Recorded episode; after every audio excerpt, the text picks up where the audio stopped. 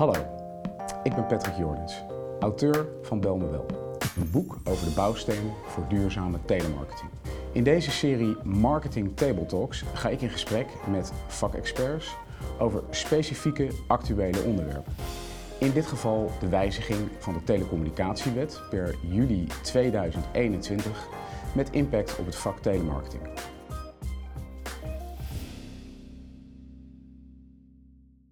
Vandaag spreek ik met Jitty van Dodewaard, directeur van DMCC Group en gespecialiseerd in compliance en kwaliteitscontrole van klantcontact. En met Erik Verdam, general manager van Nutselect, het grootste energiedistributieplatform van Nederland. Data uit leadgeneratie vormt een belangrijke bron van brandstof voor telemarketing. DMCC Group en Nutselect ontwikkelden samen een beoordelingsconcept voor leadgeneratie, waarmee compliance en kwaliteit van deze concepten inzichtelijk wordt gemaakt. Tijd om Jitty en Erik te vragen naar een aantal specifieke bouwstenen voor duurzame telemarketing. Doe er je voordeel mee.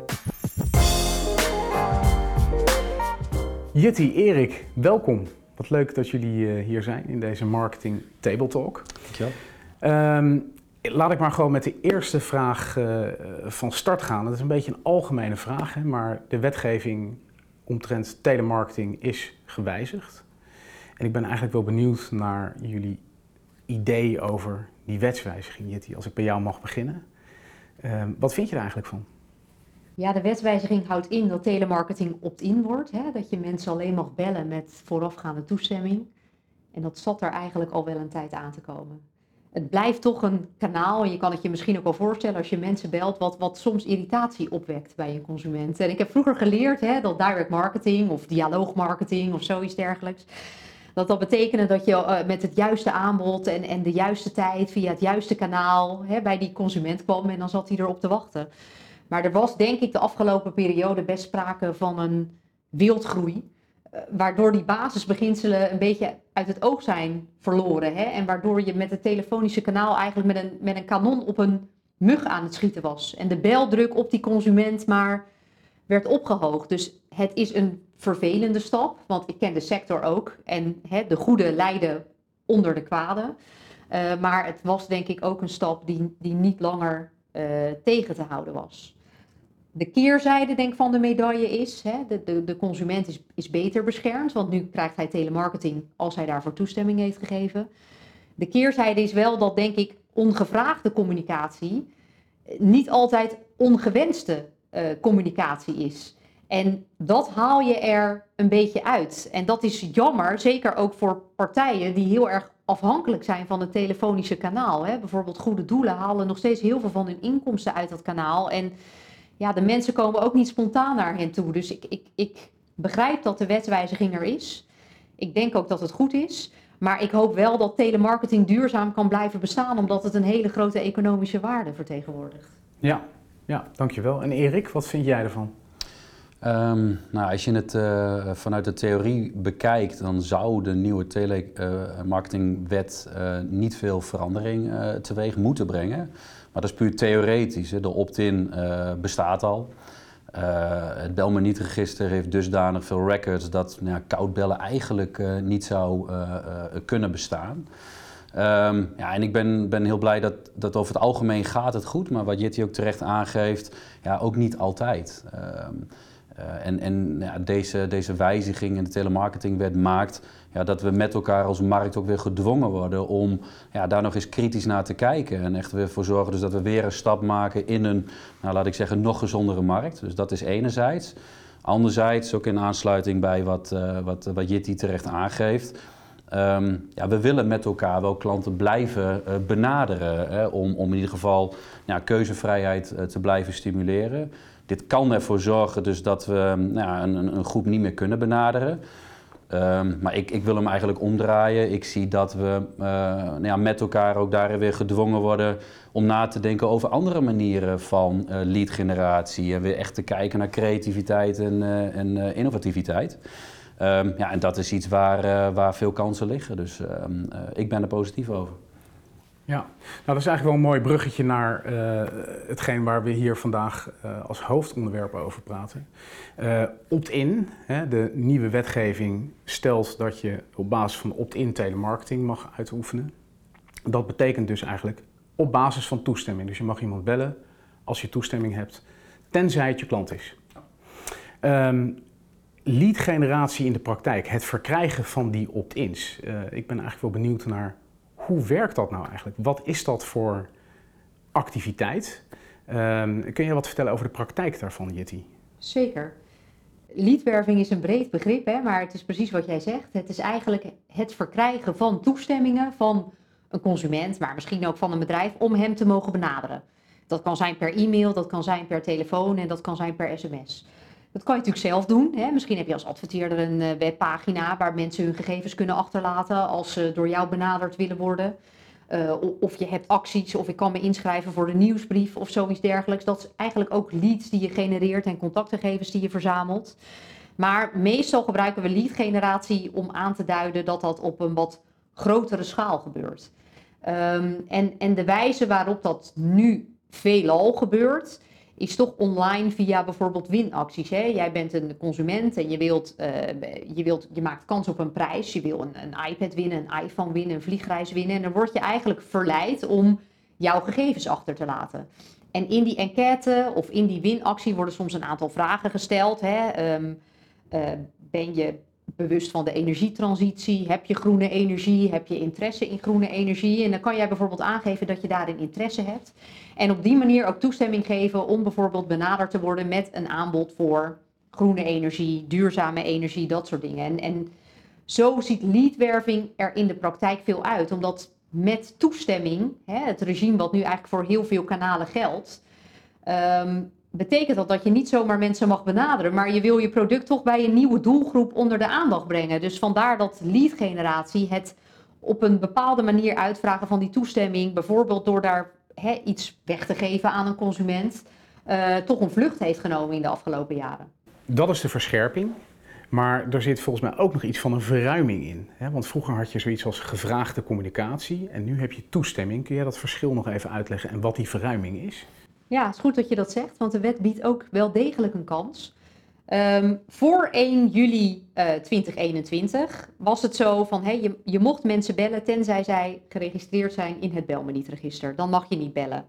Maar het belmenietregister uh, is niet van toepassing als iemand uh, bij jou had aangegeven, specifiek, dat heette dan gevraagde communicatie, dat hij eenmalig door jou gebeld wilde worden met een specifiek aanbod.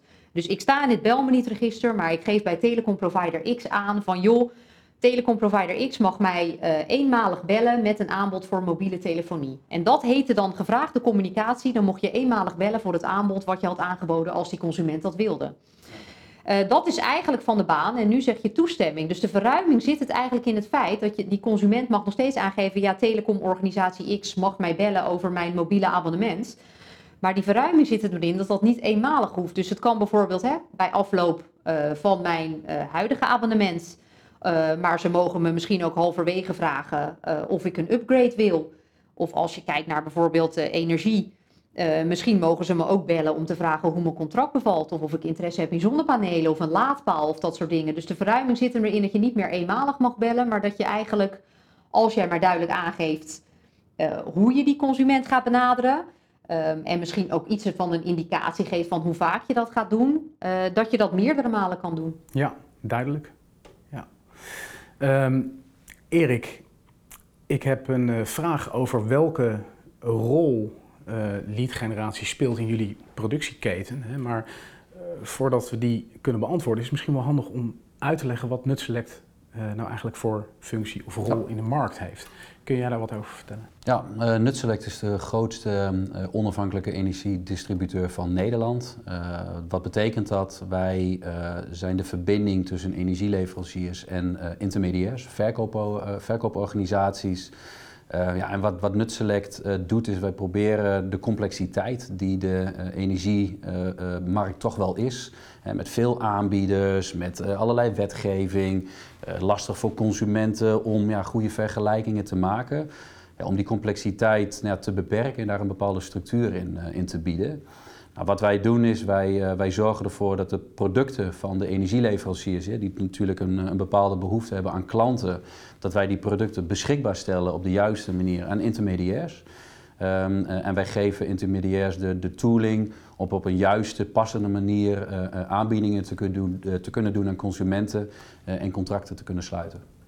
Ja, dus jullie brengen eigenlijk twee segmenten die graag met elkaar willen samenwerken in verbinding. Ja, ja en in dit geval is dat inderdaad voor, voor telemarketing, telesales. Um, ja, er zijn ook andere kanalen, deur aan deur, in winkels, advies op afspraak. Uh, en in dit geval is het dus echt inderdaad uh, telesales. Ja. ja. En welke rol speelt lead generatie dan in jullie productieketen? Um, nou, ik gaf net al aan energieleveranciers die, uh, die moeten klanten sluiten, die willen klanten sluiten. Um, en om klanten te sluiten heb je leads, prospects nodig. wij noemen dat intern brandstof. Zonder brandstof gaat de auto niet, niet rijden. En onze intermediairs zijn dus altijd op zoek naar, naar leads om te kunnen benaderen, om vervolgens de juiste aanbieding te, te, kunnen doen ten behoeve van, een, van, een, van het sluiten van een overeenkomst. Ehm, ja, dus voor het, het, het maken van klanten is, is leadgeneratie randvoorwaardelijk. Ja, nou even voor de goede orde, de energieleveranciers die willen graag klanten hebben, die ja. moeten klanten werven, hè, anders dan slinkt hun klantenbase in principe. De intermediairs doen dat voor ze en daar hebben zij leads voor nodig als brandstof. Correct. Ja. ja. ja. Duidelijk. Oké. Okay. Um, Erik, jullie opdrachtgevers, dat zijn de energieleveranciers. Die hebben natuurlijk een grote behoefte aan uh, rechtmatige lead-generatie. Die hebben een groot belang ja. dat hè, de lead-generatieconcepten, die dus eigenlijk niet in hun eigen beheer zijn, maar bij de intermediairs zitten, dat die wel uh, op een goede rechtmatige basis uh, worden uitgevoerd. Ja. Voor hen is de rechtmatigheid van die opt-ins dus van groot belang. Hoe zijn jullie gekomen tot uh, de keuze voor een samenwerking met DMCC op dit gebied? Um, nou, als, als Nutselect geloof ik heel erg in, in focus en de juiste dingen zo goed mogelijk doen. Ik heb net al geschetst wat, wat Nutselect is, welke rol wij, wij spelen. Als ik kijk naar de operationele processen, als ik kijk naar het platform wat wij, wat wij faciliteren, onze service, onze dienstverlening naar zowel energieleveranciers en, en, intermediairs, dan zeg ik eerlijk, dan hebben wij eh, onze handen daar al, eh, al behoorlijk vol aan. Dus, dus, dus vanuit die achtergrond ja, geloof ik heel erg in het bouwen van, nou, laat ik het zeggen, een soort van ecosysteem. Waarbij je ook gebruik durft te maken van partijen ja, die op, eh, op onderdelen meer kennis hebben, meer ervaring hebben. Ja, en zeker als het gaat op, uh, op gebied van kwaliteit en, uh, en compliance. Nou, daarin hebben wij al een, een lange samenwerking met DMCC TQS. Dat, dat, gaat in eerste instantie over nou, de compliance ten aanzien van de salesgesprekken, het sluiten van, van de overeenkomst. Um, en dat is niet alleen op basis van expertise, maar dat is ook zeker vanuit Um, het mantra, de, de slager die zijn eigen vlees niet, niet wil keuren. Dus daadwerkelijk ook de beoordeling door een onafhankelijke derde willen laten. Dus dat, dat zijn eigenlijk de twee belangrijkste redenen dat Nutselect heeft besloten om een strategische samenwerking aan te gaan met TQS.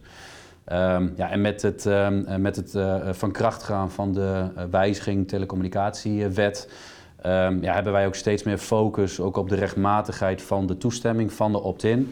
Ja, en daarvoor geldt hetzelfde.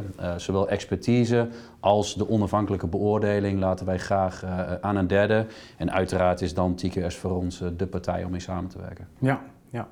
Hey, en Jitty, die ehm, expertise die is gebouwd op bestaande ervaring. Hè? Die, die, die, die bestond al binnen TQIS. Kun je wat vertellen over de ontstaansgeschiedenis van deze specifieke expertise? Ja, dat kan ik zeker. Um, als je kijkt naar leadwerving, hè, dat is niet uh, iets nieuws, dat, dat bestaat al lange tijd. Dus het feit dat, een andere, dat je een andere partij inschakelt om voor jou eigenlijk contactgegevens van potentiële afnemers, uh, uh, afnemers te verzamelen. En dat gebeurt, waar we hier hebben het over, dat je telefoonnummers verzamelt om wellicht telefonisch iemand een aanbieding te doen. Maar dat gebeurt al veel langer, bijvoorbeeld ook met e-mailadressen en mailconcepten. Hè. Er werden ja, denk bijvoorbeeld aan voordeeluitjes of zoiets dergelijks. Dat is eigenlijk een nieuwsbrief die, die vol staat met advertenties en aanbiedingen van derden.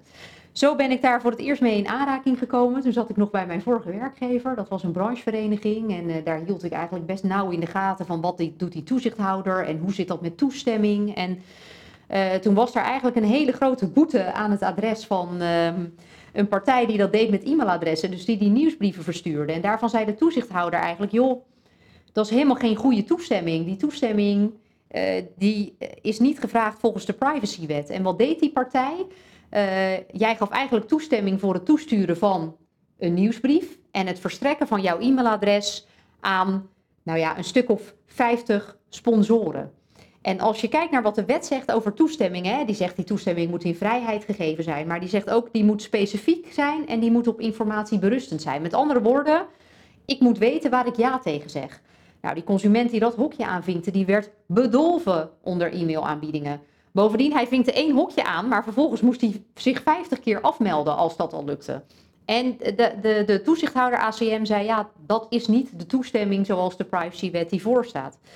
Dus zo zijn we daarmee in aanraking gekomen en hebben daar eigenlijk heel veel jurisprudentie over ontwikkeld. Um, en je kon dat model in feite hè, één op één toepassen op telefonische leadwerving. En we merkten toch dat steeds meer adverteerders klachten kregen uh, van uh, geworven consumenten. Van joh, uh, ik, ik weet eigenlijk niet waarom ik door jullie gebeld ben of namens jullie gebeld word, want ik heb nooit toestemming gegeven. Dus die hadden heel erg behoefte aan een controle op die leadwerving bij derde partijen. En zodoende zijn we eigenlijk tot dit concept gekomen, waarbij wij die onafhankelijke controle op die leadconcepten voor je kunnen uitvoeren. Ja, ook vanuit de gedachte dat de, de, de adverteerder, hè, de opdrachtgever, natuurlijk altijd eindverantwoordelijk is. Ja, ja en, en dat is ook heel duidelijk wordt. wat de toezichthouder zegt. Hè? Die zegt van ja, jij bent verantwoordelijk in de keten voor alle partijen die je daarvoor inschakelt. Dus je kan je niet verschuilen achter het feit van ja, ik heb die ingeschakeld en die heeft gezegd, joh, ik heb het helemaal top voor elkaar. Um, jij, het, het behoort tot jouw verantwoordelijkheid om te controleren of dat daadwerkelijk zo is. Ja, ja. Dus het is eigenlijk ontstaan door vragen uit de markt van adverteerders die zeiden van ja, we willen gewoon weten waar we aan toe zijn als wij met leadconcepten werken of derden met leadconcepten laten werken. Ja, ja. grip krijgen op, op dat kanaal en op die werving eigenlijk. Ja, je gaf net al even het verschil aan. Hè? Kijk, je kan als adverteerder kan je zelf uh, leads werven. Uh, je kan ook facilitair leads laten werven. Hè? Dus door gespecialiseerde bureaus kan, uh, kan je leadcampagnes laten uitzetten. Die gaan dan leads voor je werven, adressen aan je aanleveren, zoals dat ook op een hele platte manier wordt gezegd. Kun jij wat vertellen, Erik, over het landschap van dat soort facilitaire bedrijven? Ja. Jij kent er um, ongetwijfeld veel. Ja, wat, uh, wat wij zien in ons uh, intermediaire kanaal, dat is dat um, uh, voor het overgrote deel gewerkt wordt met grote leadpartijen. Grote leadpartijen die nou, via bepaalde concepten, mediaconcepten, mensen aanschrijven ten behoeve van enquêtes, prijsvragen, wat Jitty al terecht net zo aangeeft. Um, en, en op basis daarvan ja, proberen klanten uh, geïnteresseerd te maken om toestemming te geven voor het doen van een aanbod. Dat is eigenlijk waar op dit moment um, ja, de meeste brandstof vandaan komt. Um, nou, wat, wij, wat wij daarin op dit moment aan het doen zijn, is die concepten van die leadpartijen daadwerkelijk te beoordelen. Uh, nou, en wat we daarin zien is dat niet altijd alles uh, uh, 100% compliant is. Dus we moeten daar nog een aantal, aantal stappen in maken. Maar wat wij daarin ook zien is dat um, de, de, de leads die daaruit gegenereerd worden, soms ook dezelfde consument is. Waarbij we vaststellen um, dat de, de, de wijze waarop de toestemming verkregen is best wel compliant kan zijn. Het voldoet aan, aan de regels. Uh, maar we hebben het hier altijd over compliance en kwaliteit. En kwaliteit maakt ook dat, ook al voldoet het aan de regels, wij willen uiteindelijk uh, tegen het licht van kwaliteit een tevreden klant en een tevreden leverancier. Uh, dus het kan zijn dus dat een, een, een bepaalde consument ja, wellicht een, een, bij de ene prijsvraag zijn gegevens opgeeft en twee weken later ook bij een andere prijsvraag. Ja, en het is dan in theorie mogelijk, weliswaar compliant, dat die klant twee keer benaderd wordt. Nou, ook dat is iets wat wij als NutSelect, ook samen met, uh, met TQS, uiteindelijk gewoon niet willen. Want dat veroorzaakt klantirritatie, nogmaals, ondanks het feit dat het wel, uh, wel compliant is. Uh, waar ik eigenlijk een beetje op doel is, wat je wel vaak hoort uh, in de wereld van adverteerders die dus uh, facilitaire partijen inschakelen of laten inschakelen, is nou deze leadleverancier die is goed en die is niet goed. Het is volgens mij een heel divers landschap. Ja. Um, maar zit het hem niet veel meer op het niveau van campagnes? He, dus uh, je zou kunnen zeggen van ja, ieder, iedere organisatie weet wel hoe je een goede leadcampagne opzet, hoe die met de juiste creativiteit, want dat heb je echt nodig. Uh, maar ook met de juiste kwaliteitsblik. Hè, datgene wat je net schetst. Uh, niet alles wat ook wettelijk voldoet is gewenst. Uh, maar ook met uh, inderdaad de juiste wettelijke uitgangspunten. Ehm, zijn er veel leadpartijen op de markt in Nederland? En eh, is het ook zo dat de een heel slecht kan zijn en de ander heel goed? Of is er altijd wel iets aan te merken? Of zijn ze allemaal goed? Vertel daar eens wat meer over. Nou, dat is het, het, het, het goede van de samenwerking die we nu hebben. Dit maken wij nu transparant. Wat je terecht aangeeft, uh, ja, is het echt dus dat de ene partij beter is dan de ander? Of zit het in bepaalde campagnes? Nou, dit is nou precies wat wij in deze samenwerking en met um, de beoordelingsconcept wat we hebben uh, ingericht, uh, transparant maken. En daar zitten we nu middenin. Dus we krijgen steeds meer inzicht in de partijen nou, van wie wij al wisten waar onze intermediairs mee werkten. Maar ook ja, nieuwe partijen waarbij ik eerlijk gezegd nog nooit van, uh, van had gehoord. Dus we krijgen steeds meer inzicht. En het zijn er geen honderden. Het zijn nou, pakweg 10 tot 20 uh, grote leadpartijen, denk ik. De, die, uh, waar onze intermediairs mee, mee werken. En ja, daarin zien we juist nu op wat voor type campagnes draaien zij. En daar zien we nu op dit moment uh, de, de, de, de scores in. En wellicht dat Jitty al wat kan vertellen over wat eruit komt. Ja, dat vind ik een hele interessante. Want uh, jullie hebben natuurlijk binnen no time, want je koppelt scoring, begrijp ik, aan die concepten. Dus binnen no time heb je die markt inzichtelijk heb je een benchmark. Jitty, kun je daar wat over zeggen? Ja, dat is wel denk ik de bedoeling hè, uiteindelijk om hem inzichtelijk te maken. Dus wat we doen is wij, wij doen eigenlijk alsof we consument zijn in een winactie. En uh, wij doorlopen ook de hele winactie en daarbij kijken we naar verschillende aspecten. Dus we kijken bijvoorbeeld ook, hè, als je een winactie doet, moet je je houden aan de gedragscode promotionele kansspelen. Die zegt bijvoorbeeld dat er actievoorwaarden moeten zijn voor zo'n actie. Um, die zegt ook dat, uh, hè, dat er een looptijd moet zijn en dat je een beetje helder moet zijn over de hoeveelheid prijzen. Nou, we kijken naar, voldoet die actie daaraan? Is dat voldoende helder? Maar we kijken bijvoorbeeld ook naar de opt-in als zodanig. Kan die vrijgegeven worden? Is die specifiek voor de intermediair of voor een energieaanbod? Um, krijg ik voldoende informatie zodat ik weet waar ik ja tegen zeg? Uh, we kijken of er een goed privacy statement is. We kijken of er een klachtenbeleid is. Dus we nemen eigenlijk de verschillende aspecten van die campagne onder de loep. Dus je ziet dat partijen daar ook verschillend op scoren. Soms is er eigenlijk een heel goed promotioneel mechanisme, hè? dus een hele goede actie. Maar is de opt-in bagger. Uh, of je hebt echt een, goeie, een, een beetje slechte promotionele actie. Want je denkt, ja, hoeveel iPhones geef je nou weg? En wanneer ga je die weggeven? In 2025, 2024?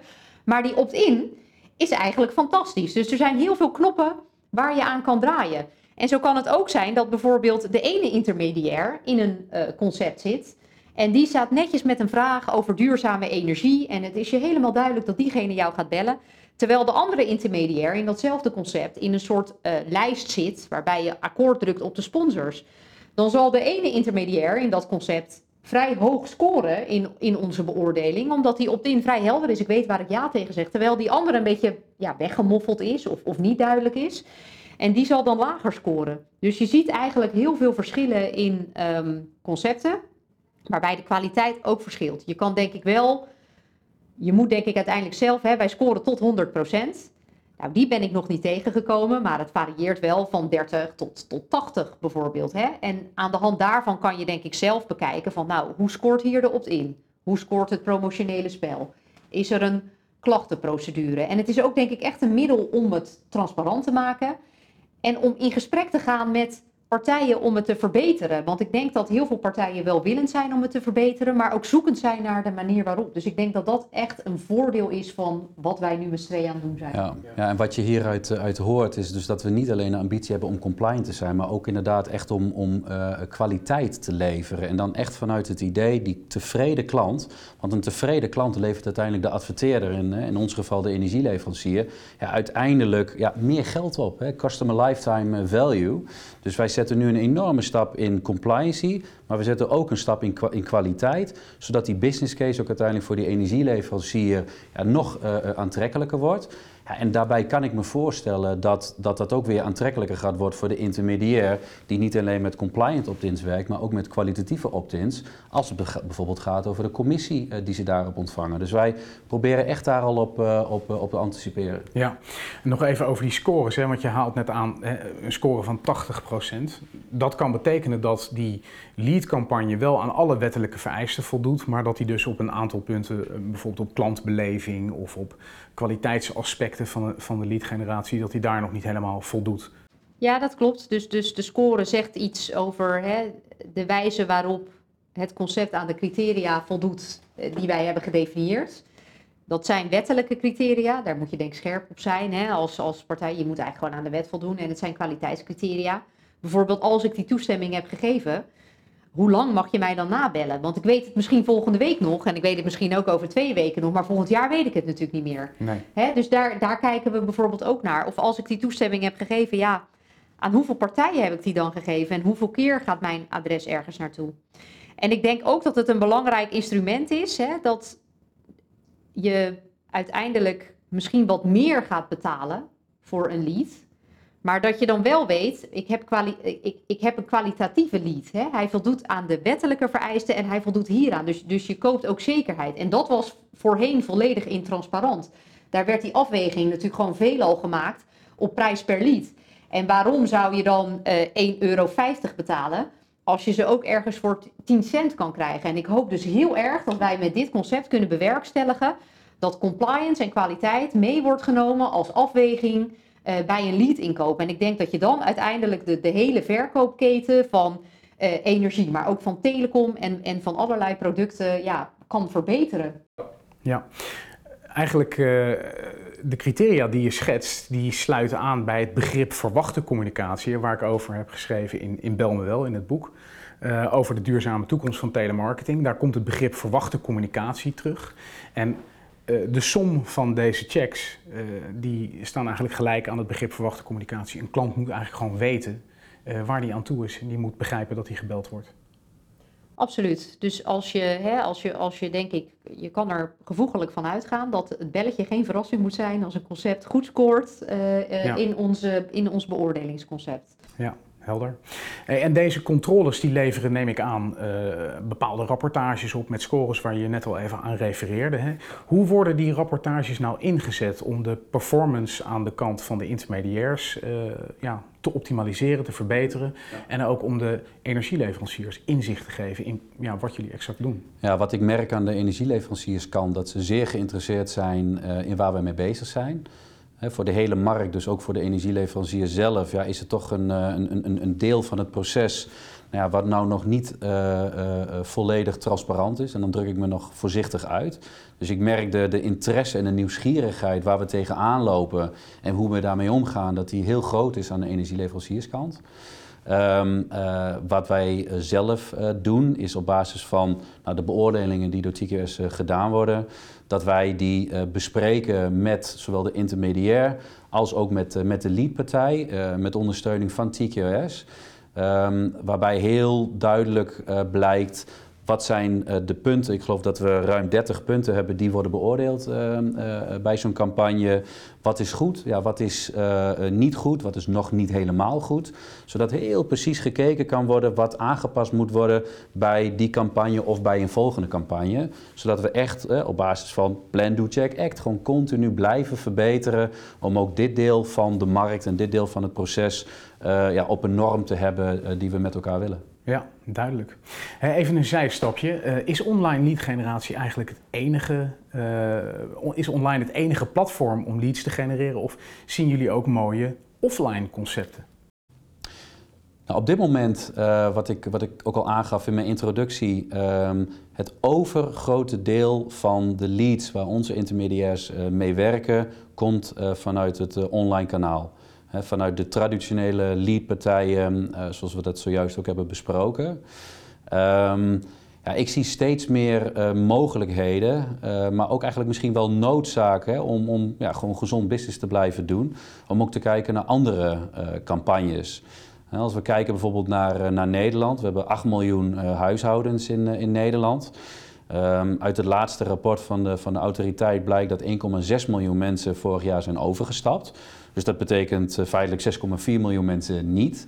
Uh, nou, daarvan een deel die stapt niet elk jaar over, maar één keer in de zoveel tijd. Maar er blijkt ook dus dat de helft van uh, de Nederlanders, van de huishoudens, um, ja, die zitten nog op een variabel contract. Dus die zijn niet of, of veel te lang geleden overgestapt. Ja, en, en, en het blijkt dat um, je dan daadwerkelijk te veel betaalt. En wat ook nog is, het blijkt dat uh, veel van deze huishoudens ja, nog op een niet duurzaam, uh, uh, duurzame energie gebruiken. Ja, en die bereik je dus niet online. Wat, wat voor andere concepten zie je? Nou, wij, wij zijn druk bezig om inderdaad te kijken voor welke mogelijkheden heb je, heb je anders. Dus wij zijn uh, in gesprek met bijvoorbeeld installateurs of, of verhuizers, waarbij we zien dat installateurs in gesprek komen met, met consumenten bij het installeren van de cv. ja, hoe mooi is het om op dat moment ook het gesprek aan te gaan over een energieaanbod en toestemming op te halen om ze te mogen benaderen. Ja, dus verschillende kanalen gaan met elkaar samenwerken. Yes, ja. En de aanvulling die ik wil doen als het gaat om lead generatie is dat wij uh, intermediairs ook steeds meer proberen te helpen een relatie op te bouwen met uh, die consument. Dus niet eenmalig initieel een, een, een contract sluiten ja, en dan maar weer kijken of je die opt-in ooit weer op kan halen. Maar probeer een relatie op te bouwen. Probeer in het gesprek dat je hebt al toestemming te krijgen om uh, aan het einde van de overeenkomst de klant weer te mogen benaderen om weer het best passende aanbod te kunnen doen. Of, of zelfs energiegerelateerde producten. Op het moment dat er ja, interessante mogelijkheden zijn ten aanzien van zonnepanelen of, of laadpalen. Ik denk dat dat heel waardevol is, zowel voor de intermediair om duurzaam in deze markt te blijven, maar ook voor de consument, wat we terecht zojuist stellen, ja, die het heel spannend vindt en heel lastig vaak vindt om een energieaanbod uh, nou ja, zelf op te zoeken. Maar die weet je op het moment dat ik zo meteen uit contract loop, dan word ik weer door die partij gebeld. Ja, helder. Ja. En kun je nog even iets vertellen over de praktijk van uh, de, de lead generatie concepten? Jullie werken met steekproeven, controleren jullie alles? Vertel daar eens wat meer over. Ja. De behoefte in de markt vanuit de energieleverancier, uh, zoals wij hem in eerste instantie zagen, is dat de energieleverancier van iedere sale uh, de noodzakelijke gegevens rondom die opt-in da data wil ontvangen. dus een IP-adres en een timestamp. Los van de operationele uitdagingen, waar we heel druk mee bezig zijn en uiteindelijk gaan we hem beslechten, zodat we ook echt die data kunnen meeleveren, uh, zijn wij in de volle overtuiging dat dat lang niet alles zegt. Want ook al heb je een, een, een, een klant en je ziet een IP-adres en een timestamp, dat zegt in onze uh, overtuiging nog niets over de juistheid van het daadwerkelijk ophalen van die toestemming. Dus ons beoordelingsconcept gaat veel breder. Wat wij proberen te doen is daadwerkelijk inzicht te creëren van alle mogelijke bronnen. Dus alle mogelijke leadpartijen of dat, uh, dat intermediairs zelf relaties hebben opgebouwd. Of het voorbeeld wat we zojuist gaven van de installateur. Alle bronnen waarop um, intermediairs acteren willen wij inzichtelijk hebben. Uh, op alle bronnen willen wij uh, de toets uh, daadwerkelijk doen van alle campagnes om echt de wet ernaast te leggen hè, en onze kwaliteitseisen voldoet het. en tevens wat wij doen is op zowel sales, maar ook zelfs op niet-sales steekproeven doen, zodat we daadwerkelijk um, uh, de gesprekken weer terug kunnen herleiden naar een van de bronnen. Want op het moment dat die bron er niet bij zit, zijn we blijkbaar nog niet volledig en zullen we ook daarop uh, op moeten focussen. Ja. En zo heb je de cirkel in onze optiek echt rond. Ja, dus ook op uh, gesprekken die niet hebben geleid tot een overeenkomst doe je deze controle? Ja, want het kan niet anders dan dat daar ook toestemming voor zou moeten zijn om die klant te benaderen. Dus ook daarop willen wij herleiden op grond waarvan heeft u uh, die klant benaderd? En dat moet dan, als het goed is, terugkomen uit die bronnen. Ja. En ik denk aan, aanvullend, hè, theoretisch, we beoordelen nu heel veel online winacties. Maar wat Erik ook zegt, hè, wij zouden ook straks als de intermediair in het gesprek toestemming vraagt voor nog een keer benaderen. Dan zouden wij dat gesprek ook op basis van dit concept kunnen controleren. En dan zeggen we, nou, we hebben hè, op basis van steekproef dan en dan het gesprek gecontroleerd. En we controleren ook wel eigen landingspages van de intermediair, dus hun eigen kanalen waarmee ze dat doen. Dus het idee is eigenlijk hè, om die externe winacties, de gesprekken, het eigen kanaal, ze moeten het allemaal bij ons aanleveren. Dan zouden we vanaf nu eigenlijk een volledig beeld moeten gaan krijgen van alle kanalen en alle toestemmingen die zij verzamelen Zodat als er hè, eh, eh, een, een sale op wordt gedaan, dat wij op een gegeven moment kunnen zeggen: Oh ja, maar die sale, daar staat dit. Ja, die hebben wij eh, twee maanden geleden beoordeeld. Dat was in orde. Of dat was niet in orde, maar dan weet je dat ook. Dus zo zou de cirkel eigenlijk, eigenlijk rond moeten worden. Ja, wat, wat uit Jitty's verhaal ook interessant is, ehm, wij hebben mede daarom ook ons eigen plan getrokken. Want wat Jitty terecht aangeeft, je kunt ook in het gesprek zelf toestemming krijgen en, en, en, en vastleggen om de klant op een later moment weer te mogen benaderen. Dus alleen maar nou ja, ons blind staren op de opt-in data per sale, ja, dat kan per definitie niet als je volledigheid wil betrachten. Want een voice recording, daar heb je dus niet de- het IP-adres, eh, dat zit daar niet in. Ja. Dus het is, het is breder in onze optiek eh, dan alleen maar ja, de opt-in data bij iedere sale. Helder. Hey, en als geïnteresseerden zich eh, willen melden om meer te weten over eh, jullie lead generatie controleconcept, waar kunnen ze dan terecht? Nou, onze intermediairs eh, weten er allemaal van. Want we zijn met alle intermediairs druk bezig om campagnes te beoordelen, om steekproeven te doen.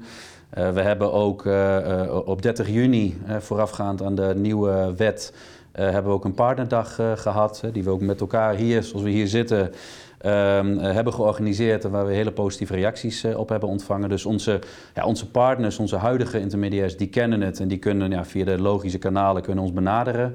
Als er andere eh, intermediairs of andere eh, partijen zijn, ja, kunnen ze ons eh, benaderen via Nutselect eh, of, of compliance.nutselect.nl ja, of via eh, de partnermanagers die ja, wel bekend zijn eh, in onze markt. Ja, helder. Ja.